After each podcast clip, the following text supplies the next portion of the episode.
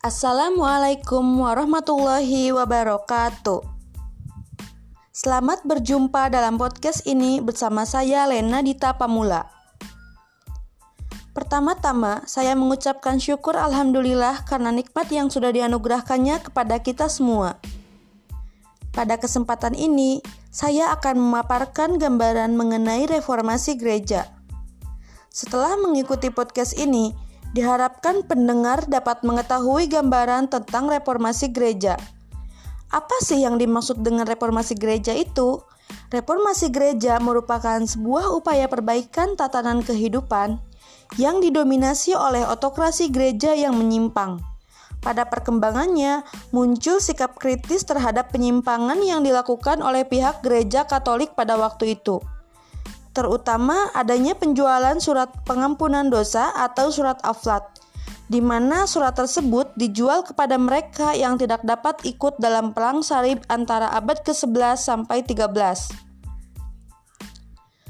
Awal terjadinya reformasi gereja ini muncul di Jerman. Banyak faktor yang melatar belakangi terjadinya reformasi gereja.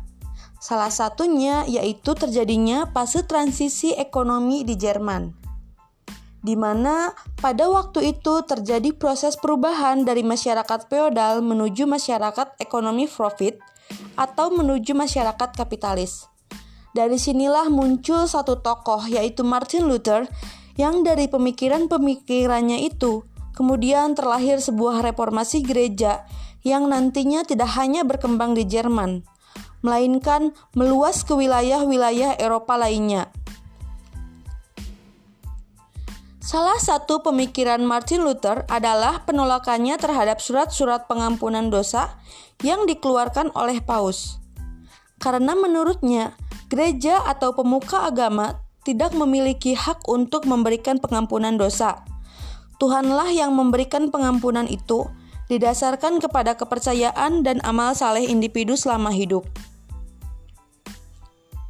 Ternyata reformasi gereja ini berdampak luar biasa pada kehidupan manusia. Reformasi gereja ini memiliki dampak sosial dan politik terhadap Eropa dan negara-negara barat pada umumnya. Reformasi ini menimbulkan Western Christendom sehingga munculnya negara-negara nasional kecil tanpa memiliki pusat kekuasaan atau gembala politik. Seperti lembaga kepausan Roma. Menumbuhkan benih-benih demokratisasi politik, kesadaran individual akan pentingnya hak-hak politik, kebebasan individu, sehingga menjadi dasar timbulnya gerakan-gerakan demokratisasi yang anti kekuasaan totaliter dan keberanian rakyat untuk selalu melakukan kontrol terhadap kekuasaan. Selain itu, reformasi ini juga mengakibatkan terbelahnya agama Kristen menjadi sekte-sekte kecil seperti Lutherisme, Calvinisme, Anglikanisme, Quakerisme, dan Katolikisme. Demikian podcast untuk kesempatan kali ini. Semoga bermanfaat. Mudah-mudahan para pendengar sekalian tetap sehat dan semangat. Mohon maaf atas segala kekurangan. Bilahi taufik wal hidayah. Wassalamualaikum warahmatullahi wabarakatuh.